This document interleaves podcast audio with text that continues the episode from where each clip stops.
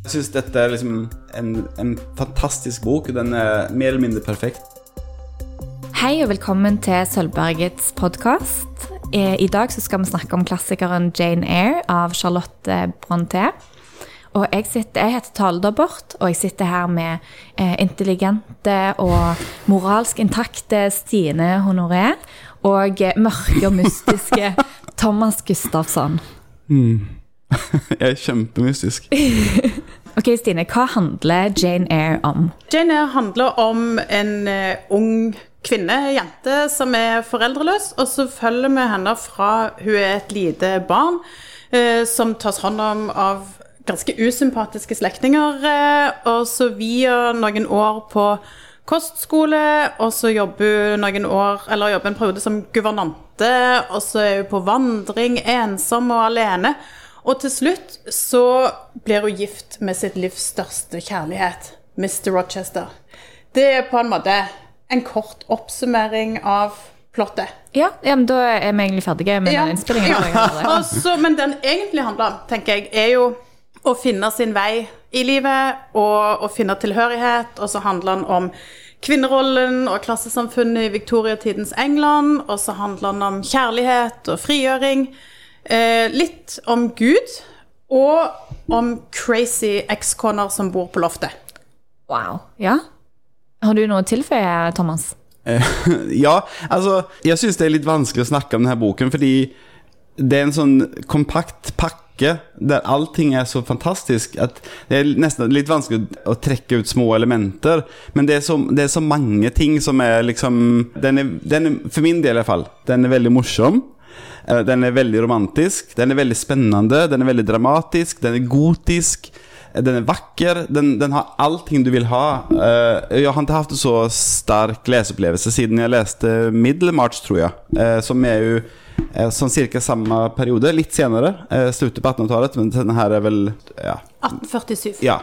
Så um, jeg tror jeg bare er veldig svak for denne perioden i litteratur. Særlig kvinnelige forfattere. For jeg, dels, det skal vi snakke om litt senere, men det, den, den, kampen som, som, hun har gjort for å bli forfattere, og få det til i, i det miljøet i samfunnet som er da, det syns jeg er så inspirerende. Og i tillegg så er jo karakteren Jane Eyre det er gitt ut som på en måte en selvbiografi, denne boken. Og det er jo så kult. Det er et sånt ukjent konsept på en måte med en fake selvbiografi. Det er veldig kult. Sant? Det må jo være den første gangen som det skjer. Og så, så hun forteller på en måte sin egen fortelling, da, Jane Eyre. Og så at, uh, at hun er sånn fantastisk inspirerende person. Hun går sin egen vei, og hun, hun blir ikke tråkka ned på uansett hva som skjer. Hun nesten blir sterkere jo verre hun får det, eller jo mer motstand hun får. Og det er en sånn inspirerende, nydelig fortelling. Og så er det jo litt òg sånn med denne romanen at han, han, er på en måte Han er egentlig litt for lang. Han er veldig sentimental og melodramatisk. Litt for mange usannsynlige ting skjer hele veien. Men så må en bare elske det likevel, for det er liksom et sånn overflødighetshorn av en, av en uh, fortelling. Uh, så en må bare elske ja. Jane Eyre, tenker jeg. Og så ja. er det jo òg sånn når vi skal snakke om denne nå, at vi kommer jo til å sikkert røpe mye av Du har av, allerede gjort det. Ja, altså, ja, men det går ikke, snakke, går ikke, an å ha en samtale om denne boka uten å røpe handlingen. Også så de som ikke har lest boka, som tenker de skal lese den, må kanskje lese den først, og ja. høre podkast etterpå. Men, men, mye av det er jo kjent, for den hunden på loftet, f.eks., er jo Det er jo veldig mange ting som er ganske kjent allerede. Så det er ikke sikkert det er så mye spoiler. For jeg hadde ikke lest den før, men jeg kjenner jo til hun som sitter på loftet likevel. Men, eh, men ja, for min del så var jeg, var jeg veldig glad å lese den liksom litt sånn dark mode, liksom. At jeg ikke kjente til For den er veldig spennende, syns jeg. Men, men jeg, sånn, jeg, kjøper det konseptet fullstendig, liksom. Jeg, jeg, har ingen problem med at alle får, alle får sitt comeuppance, liksom. Alle får presis det de fortjener. Så får liksom, du har vært sånn, da får du sånn ende, lykt, og så liksom alle får det de skal ha. Jeg, men jeg kjøper hele pakken, liksom. Jeg er med på alt. Ja, Tilfeldigvis eh, så er du arving etter en rik onkel, ja. og tilfeldigvis så møter du eh, noen som viser seg å være søskenbarna dine, og tilfeldigvis så Ja, det er mye sånn, da. Eh, men det funker jo veldig bra, fordi at Charlotte Bronte er jo en veldig dyktig forteller. Ja. Men jeg, litt, jeg tror kanskje vi må gå litt mer i detalj etter dette referatet, for dere har Ja. tatt og hevet opp så mange eh, spennende ting her. Men, men hva, kan dere gå enda mer i detalj? Hva handler egentlig denne historien om? Hvem er Jane Eyre? Ja, det handler om eh, Jane Eyre. Eh, boken er utgitt som eh, eh, hennes selvbiografi, at der hun eh, forteller tilbake om sitt liv. Eh, hennes pappa og mamma dør når hun er veldig liten, bare noen få år, jeg husker ikke eksakt. Men og så blir hun tatt hand om av sin onkel og hans kone da, og deres familie. Og så dør onkelen også, så da sitter hun igjen med tanten da, som, eh, er ikke hennes, ikke hennes blod, men hennes eh, og, og så hennes onkel fikk tanten til å love at hun skulle passe på Jenner. Og det gjør hun jo på en måte materielt sett, men følelsesmessig så eh, er, de jo, er hun jo eh, Hun er jo Askepott, liksom. Hun, hun, hun blir låst inn, og hun får ikke være med. Hun, hun, siste åren før hun flytter hjemmefra Og når hun flytter hjemmefra, så er hun åtte år. Så, så, så hun, sitter hun egentlig bare helt isolert på sitt rom, da.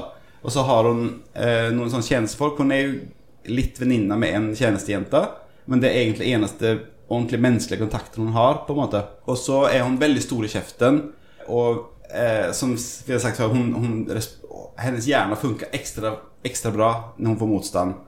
Og så når hun er liten, så blir hun sendt på Eller er det ti år hun er? Eh, Når hun blir sendt på kostskole, da. Hun, og etter det så treffer hun ikke sin familie igjen, på en måte. Så hun kommer til den kostskolen, som jeg ikke husker hva heter. Men sjefen på den skolen, han er en sånn, som du tenker deg, en sånn eh, eh, skurk i en Disney-film. Han er høy og mørk og tynn og ond og slem, og liksom, han bare vokser framfor deg. Så det føles som at han er liksom prototypen til den slemme voksne mannen, på en måte. Og han er falsk. Hans familie kommer eh, Hans døtre kommer på besøk på denne skolen, da. Og de er kledd i silke og flashy, mens eh, han klikker, og man ser at en eneste av jentene på den kostskolen har krøller i håret. Det er superstrikt. De får altfor lite mat, de sulter. Og i tillegg så de, de eldre jentene stjeler maten til de yngre jentene. Det er misær, liksom. Eh, også, men likevel så treffer hun noen få personer som, som gjør at hun utvikles, og hun får en slags tillit til at livet kan funke, på en måte. Så det er liksom, når hun vokser opp, så har hun en liten eh, tjenestejente som som hun kan knytte seg til. Også på skolen så har hun også et, et menneske hun knytte seg til. Og så, eh, så blir hun utdannet der, og så fortsetter hun som lærer der. Eh, og så eh, kjenner hun eh, at når den personen hun likte på den skolen, gifter seg og flytter, så vil hun, hun flytte videre. Og det er sånn selve historien egentlig begynner. Da Da får hun en posisjon som guvernant hos uh, Ro uh, Mr. Rochester. Hun skal passe på hans uh, kanskje datter, kanskje eh, Altså det er datteren til en elskerinne til han, da. Som, eh, som elskerinnen er død, og han, hun skal liksom lære opp den her jenten, da. Eh, Så da kommer hun til det store huset, der han, Mr. Rochester, er herre, men han dukker opp som en sjelden gang. Men de, de får connection umiddelbart. De har en veldig kul tone. Første gang de ses, så er han sykt frekk, og hun svarer han. De har en veldig morsom dialog liksom hele veien. Det er en av mine favoritting i hele boken.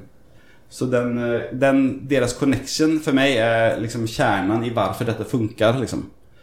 Jeg vet ikke er, er det en, Og så trenger vi snakke mer om Nei, jeg- selve handlingen. Jeg synes at du har vært inne på noe som jeg synes var litt slående i denne romanen fra begynnelsen av, at eh, Jane møter hele veien motstand, men klarer å, å jobbe seg ut av det. Og eh, i mine øyne så er jo det liksom et veldig tydelig feministisk trekk i teksten, så kanskje vi skal snakke litt om det?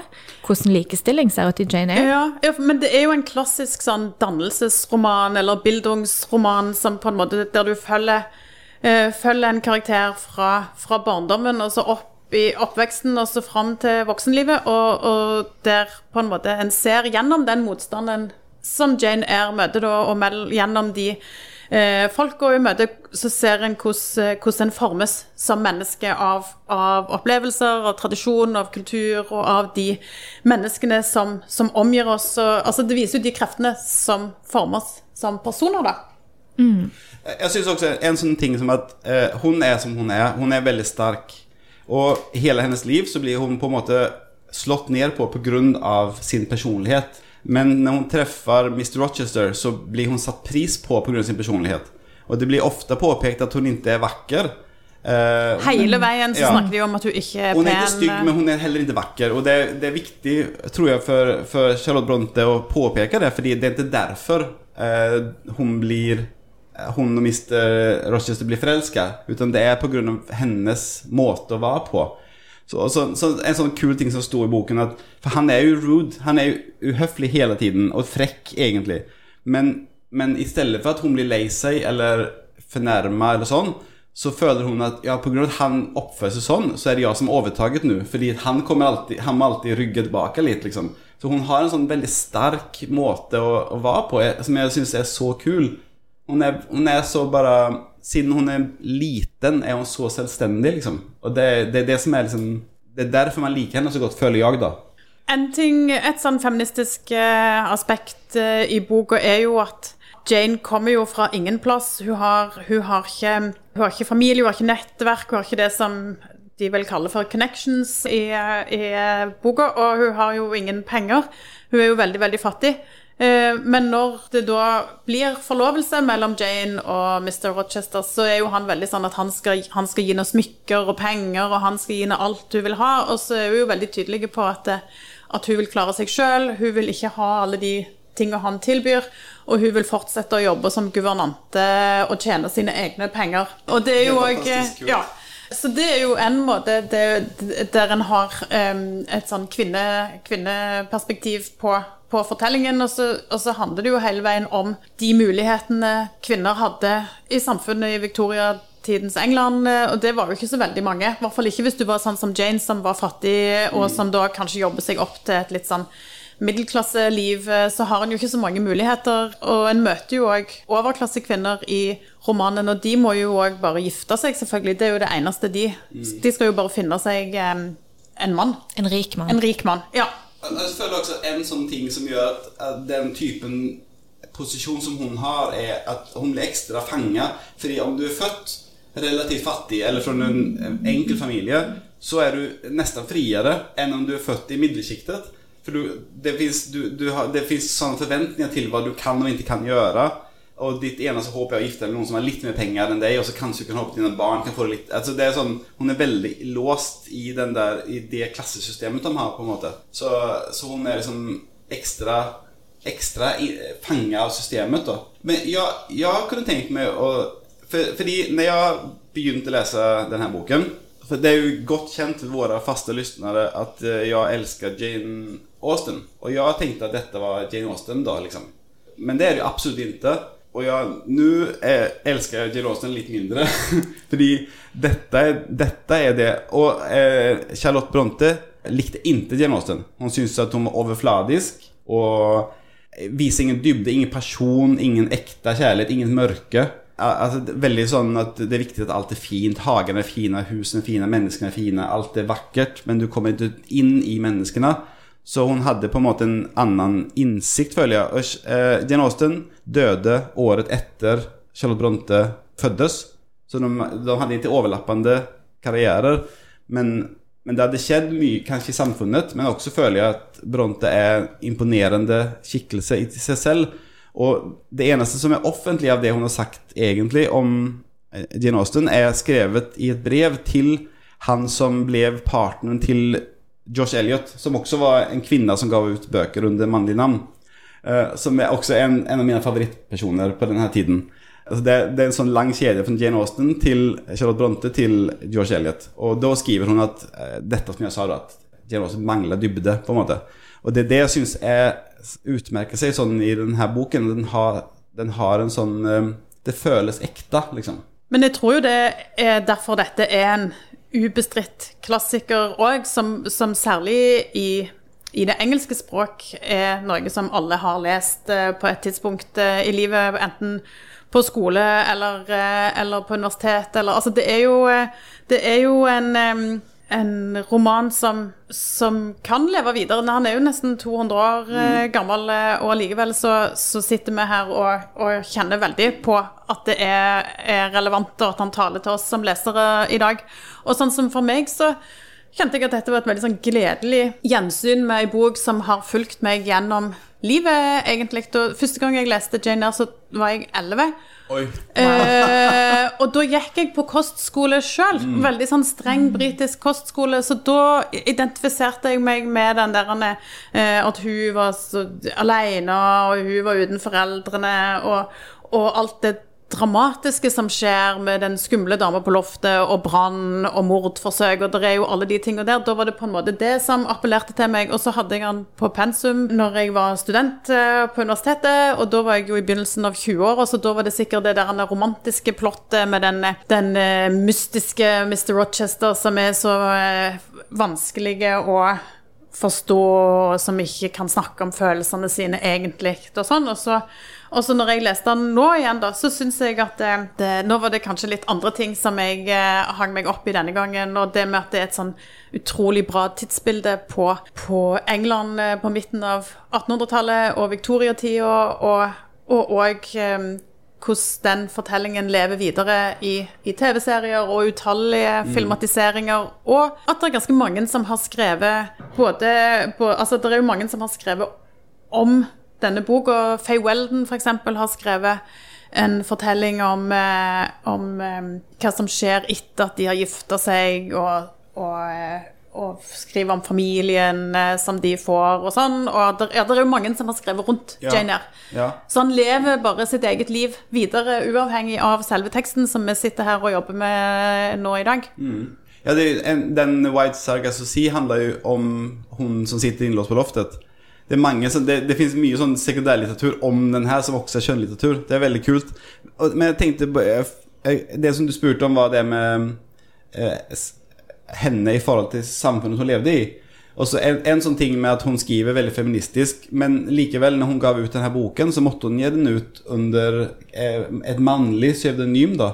Og når folk begynte Og den fikk en veldig bra mottakelse av kritiker og publikum eh, solgte kjempebra, men når folk begynte å mistenke at den var utgitt av en kvinne, så snudde kritikerne litt. Da begynte de å bli mer negative, at de syntes den var altfor krass. Og, eh, altså det, det, det, det, er for meg en ek, ek, du, ekstra eh, dimensjon og en ekstra bedrift av henne at hun fikk til å gjøre dette i den tiden når det var sånn. At man ikke ens kunne gi ut en bok under, eh, under kvinnelig navn. da hva tenker dere er grunnen til at eh, Charlotte Brontë gjorde det? Og hun har jo to søstre som òg har, har, gitt ut litteratur og er kjente navn. De, de også gav ut under mannlig navn. De ga ut sine bøker nesten samtidig, og de utga det som om det var tre brødre i stedet for tre søstre. Eh, men jeg tror at grunnen til at hun gjorde det, var fordi at hun ville skrive eksakt som hun ville skrive. Hun ville ikke skrive sånn som kvinner fikk lov. Hun ville skrive det hun følte. Og da tror jeg kanskje måtte gi ut det som mann, da.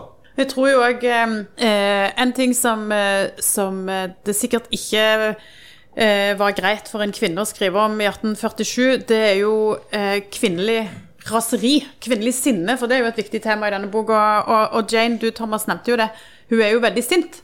Mm. Eh, særlig når hun er barn, så er hun jo mm. rasende hele veien. og det må jo ha vært veldig provoserende, tenker jeg. Eh, og sinte kvinner er jo fortsatt ikke, Det er jo ingen som liker sinte kvinner nå heller, eh, i 2022. Eh, men det er enormt mye raseri og lidenskap i denne boka. Det er jo det med at fargen rødt går igjen hele veien, og det er ild og blod, og det er mye sånn lidenskap i, i Jane, da. Pluss at Bertha Mason, som jo er den gale kvinnen på loftet, som eh, Vi må jo bare si hvem hun er. Altså, hun er eh, kona til Mr. Rochester, for han er jo egentlig gift eh, mens han driver og eh, beiler eh, stakkars uskyldige Jane. Eh, men hun òg er jo et sånt bilde på kvinnelig Vet ikke jeg, altså Hvis en tenker at mann er kultur og kvinnen er natur, så er jo Bertha Mason Hun blir beskrevet som et sånn Hun blir beskrevet som en, et monster, ja, et dyr. dyr. Hun har sånn hun kommer jo fra, fra Karibien, eh, så hun jo også, har jo òg et sånn sydlandsk temperament. Men hun har sånn svart, viltert hår, og så har hun røde øyne, og så snakker hun bare knurrer og roper og går på alle fire ja. og er liksom innelåst oppe eh, på loftet på Thornfield, som det heter, dette her eh, estaten til, til eh, Rochester. Eh, hun er liksom det usiviliserte og, og husets ukjente beboer og den hemmeligheten som ingen må vite om, som bare er der, men som alle skjønner at det er noe på loftet, men ingen vet helt hva det er. Eh, og det òg tenker jeg er liksom eh, den kvinnelige lidenskap som, som må temmes, da. Ja. Jeg, jeg, man, man må jo bare akseptere at, at hun liksom elsker Mr. Rochester selv om han skulle gifte seg gang nummer to mens han hadde sin forrige fru innlåst i samme hus. Uh, og så når de står de, de skal jo faktisk De står i kirken og skal gifte seg, uh, og så er det noen som sier eh, Unnskyld meg, eh, de kan ikke gifte seg. Også, Det er jo den klassiske, sånn Ja. som på film òg. Er det noen i dette rommet Ja. som har noen eh, Ja, jeg har. Ja. och, så, og så liksom, ja, han er allerede gift. Nei, det er han ikke. Og han gir seg ikke heller på det. Nei, kan du bevise det? Så sitter liksom en kilometer derfra, så er, sitter hun innlåst. Liksom. Så, og så liksom elsker hun han ennå, Men det, til hennes, Hun stikker jo, da. Det, det, det, är då hon kommer inn på den her eh, vandringen du sier. Hun, hun, går bare midt i natten, så går hun uten penger, eh, noen ting og skaper sitt et nytt liv. Som är, hon er på att sluta ihjäl, men hon klarar att skapa sig ett helt nytt liv. Ny karriär, nya vänner, allting. Finner ju faktiskt sin familj också. Men likevel så elsker hun fortfarande honom. Og det synes jeg Det den egentlig eneste tingen som jeg synes er litt vanskelig å svelge med, med den boken. Jeg, jeg har ingen problem med Det er jo til og med noen overnaturlige ting, at noen snakker til henne. Men det, Alt det er helt greit, men det at hun aldri Hun tilgir han mens det skjer, nesten. Men den, eh, altså det at hun rømmer da, fra Thornfield og fra Rochester, er jo et sånn Det er en litt sånn lang omvei i plottet, for er jo, hun er jo ganske lang, lenge vekke, og det skjer mye eh, mens hun er på denne vandringen sin. Men det er jo en nødvendig avstikker, for det er jo her Jane på en måte eh, finner sin egen vei i livet og finner seg sjøl, og det er her hun finner eh, Hun blir økonomisk uavhengig. Eh, og hun får seg et nettverk fordi at hun møter eh, Diana og Mary og St. som, som jo viser seg å være hennes slektninger. Eh, og så, og så ender hun opp da med å være en fri og selvstendig kvinne. Og da kan hun vende tilbake til Rochester og gi seg hen til han. Så hun har på en måte heva statusen sin, for det har jo vært en ubalanse i det forholdet. Hun har heva statusen sin, og så kanskje ikke røpe akkurat dette, men da har det jo skjedd noe på Thornfield mens hun har vært vekke, som har gjort at Rochester på en måte har sunket litt Ja. i status, og de, har, eh, de er på samme nivå. De har jo på en måte De møtes som like menn. Det går ikke an å si like menn når en snakker om feminisme. De møtes som likeverdige karakterer i boka, som da kan inngå eh, det perfekte matchen-ekteskapet. Ja. Det var en kjempebra oppsummering av hvorfor hun måtte gå. Det, det syns jeg var veldig bra. Ja, men for, for min, min tanke har jo vært at de har vært likeverdige på en måte hele tiden, mentalt sett. Inntil posisjon da, og eh, status kanskje, men når de snakker sammen nesten veldig tidlig i Det snakket du og jeg om tale før vi begynte i dag. at, at nesten med en gang så, så setter de premissene for For de oppdager jo veldig fort at de har en god tone. Og da sier han at han sier at han er overlegen, men han sier at han er overlegen pga. At han er eldre. Han kunne vært hennes far. Han, er veldig i 40-årene, hun er 18. Han er eldre, han er rik, bla, bla, bla. Men han sier aldri at han er overlegen fordi at han er mann. Og det syns jeg også var veldig kult. Det er kult av han. Jeg, vet at han er fiktiv, men det er kult av han. Og det er kult av at det bare er en selvfølge. Det er ikke derfor jeg er overlegen. Jeg er overlegen fordi at jeg er eldre og jeg er rik, og jeg har eh, en stor, et stort liv med folk som er avhengig av meg. Så jeg føler de snakker til hverandre som likeverdige. Og når de har bestemt seg for å gifte seg, så er det jo egentlig hun som har hele makten. Og hun, set, hun liksom holder han eh, eh, eh, Jo, men det er jo den makten hun har fått Ja. eh, gjennom at hun har vært på den vandringen eh, og blitt det, frigjort. Før, för de, eh, alltså för, mens hun ennå bor i hans hus Og så når de har sagt ok, vi skal gifte oss Så har jo han lyst Kom her og kos litt med meg Og han, hun bare nei, vi skal ha samme rutine som før Jeg kommer på besøk i, i salongen En time på kvelden Du kan be meg komme, jeg skal komme Vi snakker sammen, men det blir ingenting uh, Ja, liksom, jeg, jeg, jeg har sett premissene for dette Det skal ikke være noe sånn uh, Ja, Men, men uh, altså kjærlighetshistorien mellom Jane Eyre og Mr. Rochester er jo en av de mest kjente Mm. kjærlighetshistoriene i, i engelsk litteratur.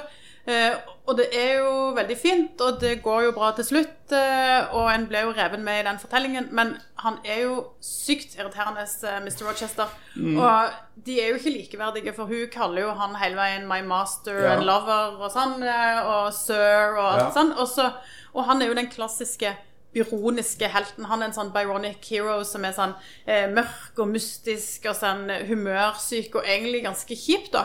Eh, og han er jo plaga av fortida og bærer på en hemmelighet som vi som leser ikke får vite hva er.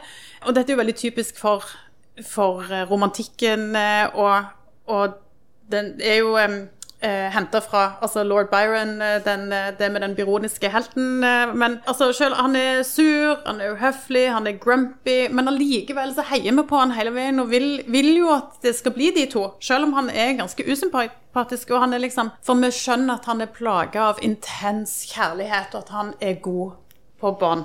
Men det er jo veldig irriterende, eh, og han driver jo med sånn mind games hele veien med Ja. Jane. Han kler seg ut som sigøynerkvinne for å lure henne. Eh, han later som han skal gifte seg med ei annen for å liksom lokke fram Jane sine egentlige følelser.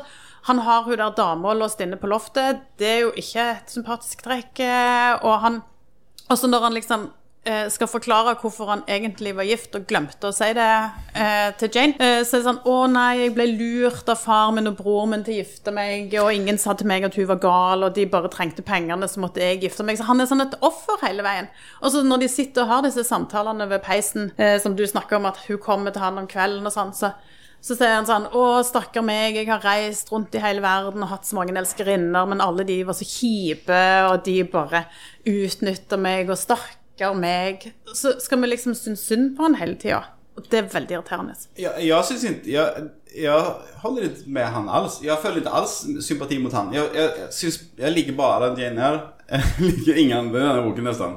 Jeg, jeg, jeg beundrer henne. Jeg syns hun er kjempekul, og jeg syns at hun, hun høyer eh, Mr. Rochester når hun er villig til å være med han på en måte. Det er ikke omvendt. For min del så, så tar hun ham på tross av at, at han er den han han er. alle hans eh, han irriterende eh, ja. ja. Det er ikke bare irriterende, det er psycho det han har gjort. liksom han, Det er kjempemye rare ting. Så hun velger han fordi jeg tror hun elsker deres samtaler. De har, de har jo veldig kule samtaler der de har, det er dueller, på en måte. Og det syns jeg er veldig, veldig gøy. Men, men det som gjør at, at, du, at hun ikke er irriterende, er jo den selvrespekten hun har. For hun blir fridd til en, av en annen person. Og da sier hun til seg selv at, at hun har altfor mye selvrespekt for å velge eh, For det, et- det er et eh, respektabelt eh, ekteskap, på en måte, som hun kunne ha fått. Men det er jo et kjærlighetsløst Ja, og det er det som er at hun vil ikke sette seg i en situasjon For hun, om, om hun hadde vist den mannen ekte kjærlighet da, så hadde hun blitt sett ned på for det. For han hadde foraktet det. Han vil, han vil bruke henne som en ressurs i sin karriere, på en måte, kan man si. Og hun velger bort det fordi at hun har så mye selvrespekt eh, og vil ikke sette seg i den situasjonen. Og sånne ting er spredd ut rundt omkring i boken, og det er det jeg liker med henne. Og det som òg er bra, er jo at det, eh, ble jo poengtert hele veien at hun er sånn plain Jane. eh, Hun er liksom eh, så Ja. lite vakker, og hun er så grå og trist og sånn. Men det ble jo òg poengtert at Mr. Rochester han er jo Ja. altså han er høy og mørk, og han er en sånn Byronic hero, men han er jo ikke, han er jo ikke pen. Eh, og det blir òg sagt ganske ofte at han er egentlig ganske stygg. Ja. Og så sier han sånn Jane, do you think I'm pretty? No, sier Jane da. Det, det, jeg syns det er så Jeg synes det er veldig bra. Altså, en, en sånn ting hun sier Jeg husker ikke ik- eksakt når hun sier det til henne, men uh, hun sier sånn I am no bird, and no net ensnares me. I am a free human being with an independent will, which I will now exert to leave you. Jeg, jeg elsker formuleringen. Det, det er kult formulert, men det er også liksom bare rett i hjertet. Sånn, du bestemmer ikke over meg. Jeg er en eget menneske, og jeg, den viljen jeg har fått, skal jeg bruke til å levne deg. Liksom. Det er kjempebra. Eh, og så har jeg et sånn litet eksperiment vi, vi snakket om det med, med Jane Austen og den, den duellen de har, på en måte. Og det, det virker som at det, var, det kom fra hennes pappa. Hennes pappa likte ikke heller Jane Austen. Men i Hvem sin pappa? Charlotte Bronte sin pappa eh, Ja. likte ikke Jane Austen. Eh, men en annen ting som ikke jeg visste om med Charlotte Bronte, var at det er hun som har lagd illustrasjonene til eh, Fra og med utgave to av Jane Eyre, så er det Charlotte Bronte som har lagd illustrasjonene. Og så har jeg med Jeg har skrevet ut Vi har en, vi har en tekniker og to teknikere på besøk. Og så har vi noen som snakker.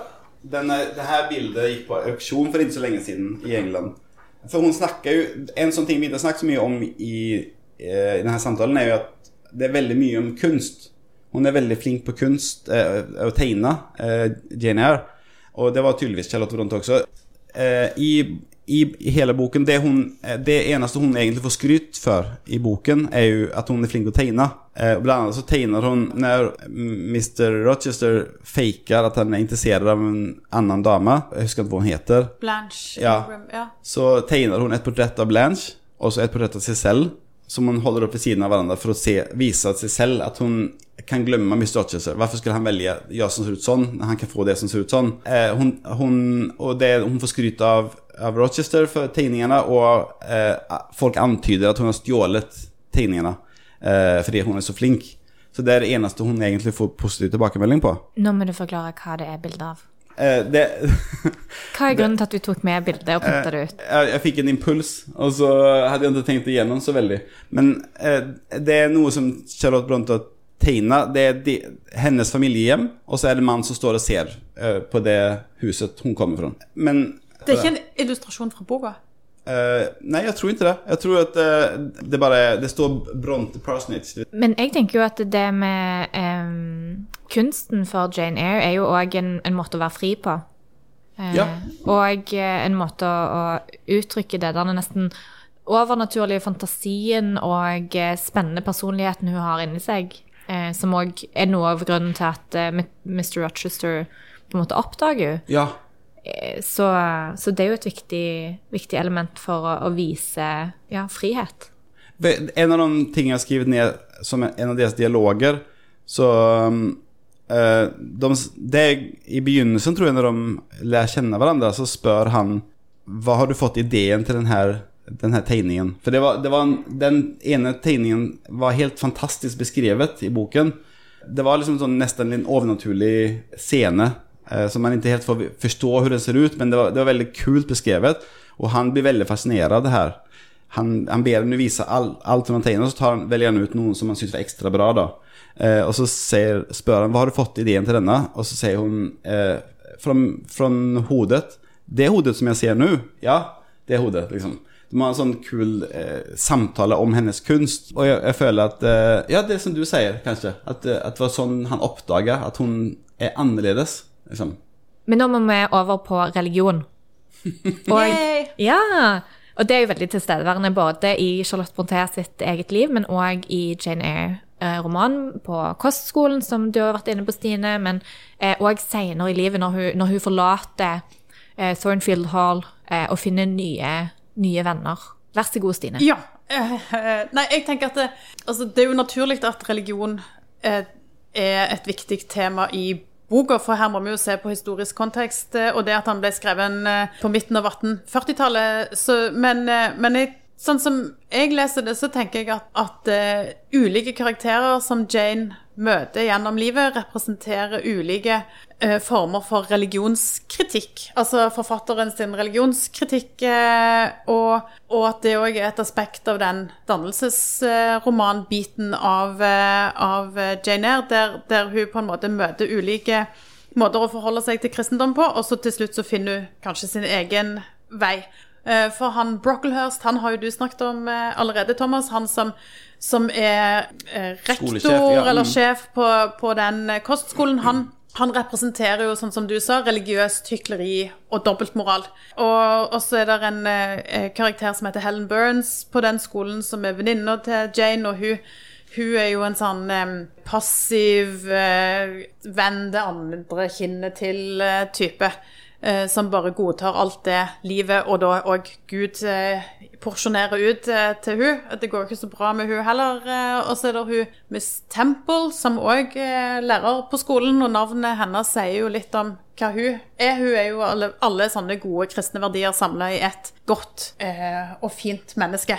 Eh, og så er det denne Sinjin, eh, som vi òg har vært innom, som, som Jane møter på, på vandringen sin, som viser seg å være fetteren hennes, men som allikevel ikke lar seg stoppe av det, og frir til henne til slutt. Eh, da. Og han, han er prest, og han er, sånn, eh, han er en sånn person som ofrer alt for Gud og for det kallet han skal reise til misjonsmarken og holde på å lære seg eh, det såkalte hindustan-språket. Fordi at han eh, skal bruke livet sitt på å tjene Gud, og det er jo det han vil ha med Jane til å gifte seg med henne, sånn at hun òg kan, eh, kan eh, tjene Gud eh, gjennom plikt. Eh, Men han er jo ikke et lykkelig menneske. Han er jo en god kristen, men, men, den, men religionen gir han jo ingen sånn fred i sjelen eller ro eller uh, tilfredshet. eh, så han er jo ikke heller en lykkelig kristen, da. Han, Han er er, bare drevet av plikt. Ja, kanskje ikke et godt menneske heller, egentlig. Altså, det er ingenting å ta han på, men eh, Jane eh, Jo, det er noe å ta han på. Ja. Men ja, jeg vil bare si at til hans eh, fordel, da, så er det- han redder hennes liv. For hun har gått uten mat og husly lenge, og det er han som tar henne inn. Ja, sånn men han gjør jo det for han er en god kristen. Ja, det- ja, men jeg er mener, sånn du skal eh, behandle din neste. Han har gode egenskaper og dårlige egenskaper, men den gode egenskapen Han har barmhjertighet. så i- Ja, det er jo kristendom i praksis, på en måte. At han, han tar inn henne. Hun er en ukjent person. Og de lurer på hvorfor er du her. Du ser ut som, som en eh, Du ser ut som en sånn kvinne som er litt høyere, men du går og tigger. Er? Og så tror de at, at hun er, har sånn kumpaner liggende bak som kommer inn og raner dem når de, slipper inn henne. De er mistenksomme, men han tar inn henne uansett. Men han tester henne. Eh, tvinger henne til å lære seg det der språket. Og liksom ha sånn, på en måte en sånn slags eksperimenter på henne for å se hvordan hun svarer på press og sånn. Og hun, hun, svar, hun skriver til oss at hun blir veldig stressa og ulykkelig av måten han er, at han presser henne sånn. Men hun gjør det. Hun er veldig pliktefyllende, da. Og måten hun responderer på hans press, gjør at han ser på henne som den perfekte misjonærkone. Så han vil ta henne med til India, og så skal de være et sånt power couple i India.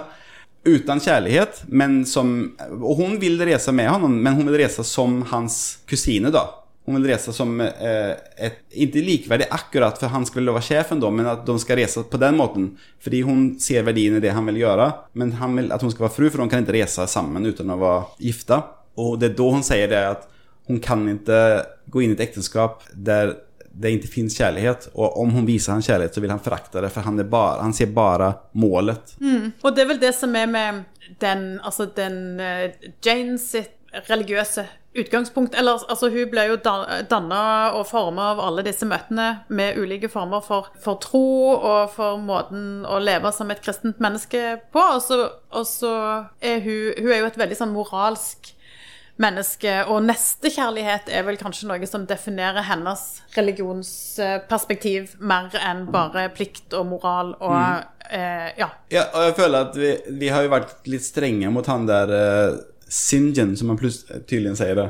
Uh, at, uh, men grunnen til at vi ikke liker han helt, er jo fordi at han han frier ikke en gang, og så sier hun nei, og så er det greit. Utan han, han holder jo på Jeg vet ikke hvor lang tid det han holder på, men mange uker der, der han terroriserer henne med friing, liksom. Og hun må til slutt bli redda av eh, en, en indre stemme som ber henne om å sjekke opp på, på Mr. Rochester. For hun holder på å bukke under for hans press, på en måte. Han, slutter aldri. Wow, det er skikkelig sånn bilde på at eh, når man går på byen som jente, så er man på en måte ikke trygg før man sier man har kjæreste. Ja, ja. Ja, ja men det, det er jo det, Han er jo helt motbydelig. Og etter det så er det vanskelig å tenke på han i noe annet lys enn det han holder på med når han skal tvinge henne til å gifte seg. Og han terroriserer henne og idiotforklarer henne liksom fordi at hun, hun er ego for at hun ikke gifter seg med han. Nå er du veldig, veldig streng. Ja, men han, det, er jo Ja. ikke, det er jo helt galskap, sånn som han holder på. Ja, men Han- jeg tenker det er ikke så, egentlig så veldig mye å ta han på. Fordi at han, han gjør Altså, han er veldig sånn ærlig om de tingene når han først på en måte sier hva han vil. Og så sier han alt er greit.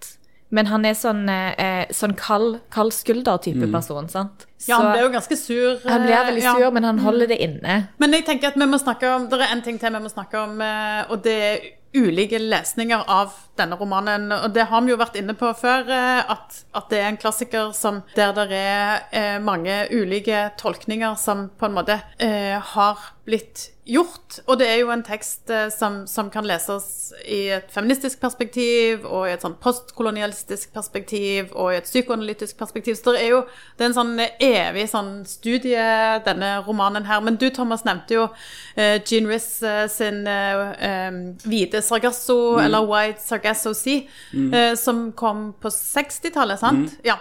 Eh, og det er jo kjempeinteressant, for det er en prequel til Jane Eyre. Eh, som Jean Riss skrev, der hun forteller historien til Bertha Mason fra før, altså når hun bodde i de såkalte koloniene da, i, på Den dominikanske republikk, eh, og så og så treffer hun Mr. Rochester, og så flytter hun med han til England. Så det er på en måte fortellingen Det er altså til, første konen til Rochester. til første kona. eh, Og den, det er jo òg en klassiker eh, etter hvert. Og det er jo det, det feministiske perspektivet på, på eh, Bertha Mason sin eh, fortelling. Og så er det jo òg en sånn eh, Det er noe som heter Gilbert og Guber, som skrev eh, på 70-tallet en sånn feministisk klassiker som heter The Mad Woman Ja. in the Attic. Jeg forsøkte å få tag på den, men den var helt umulig. Ja. Den, den ikke. Og det handler om, om eh, mange av de britiske eller engelske forfatterne som du har nevnt før. Thomas mm. Jane Austen og, og Emily Dickinson, som jo er amerikansk, og Bronte-søstrene, og på en måte deres, deres forfatterskap og kvinnekarakterene i disse bøkene, og det å skrive fra et kvinneperspektiv. Eh, og The Mad Woman in the Attic er jo eh, Hun er jo en slags feministisk helt òg, egentlig. Jeg må bare si at når jeg begynte å lese denne boken, jeg var veldig skremt, for den er jo veldig tjukk. Og så tenkte jeg at dette, sånn, dette kan bli vanskelig. Men så begynte jeg å lese den, og så har jeg lest den ikke på en så intelligent måte som Stine. Jeg har tenkt bare sånn, dette er akkurat som å lese Twilight. Men det er jo det som er så kult. At du kan lese den på alle måter. Jeg er helt enig. Men det er vel det som er og en sånn klassisk, eh, et sånn klassisk kjærlighetshistorie eller fortelling-tema, der du har den der, den der mannen som, som den kvinnelige karakteren hele veien jakter på. Det er jo Mr. Darcy, Jane Austen, eh, som er så vanskelig å fange, men, men vi vet jo at han egentlig, selv om han er frekk og sur og usympatisk og upålitelig, så er han eh, god på bunn og elsker hoved, den kvinnelige hovedpersonen. Overalt. Absolutt. Og er full av følelser og lidenskap og kjærlighet. Jeg syns at en av de jag jeg, som, det följer så sier om allting jeg skal snakke om, at dette er en av de kuleste tingene med boken. Men det er veldig fine kjærlighetserklæringer i boken. De er, de er, det er en sånn desperation som ligger under, som jeg syns er så kul, som gjør at den bryter igjennom litt. Det blir ikke liksom, eh, det blir ikke serielitteratur. Det, blir, det, det, det er så velformulert. det er ingen som klarer å være så velformulert når man elsker noen, liksom. Men det, det er veldig fint skrevet, og dypt og inderligt. Og det er sånn Jeg, eh, ja likte det like mye som jeg likte det feministiske, og at hun er sånn anarkist som bare Du bestemmer ikke over meg. Jeg likte liksom alle aspektene. Jeg syns dette er liksom en, en fantastisk bok. Den er mer eller mindre perfekt. Den er kanskje litt banal noen ganger, eh, men man må kjøpe pakken, føler jeg. At det, Vi elsker pakken. ja, ja. ja. Så eh, ternekast eh, seks Ja. fra klassikerpodkasten. Absolutt. Ja. Ok, tusen takk.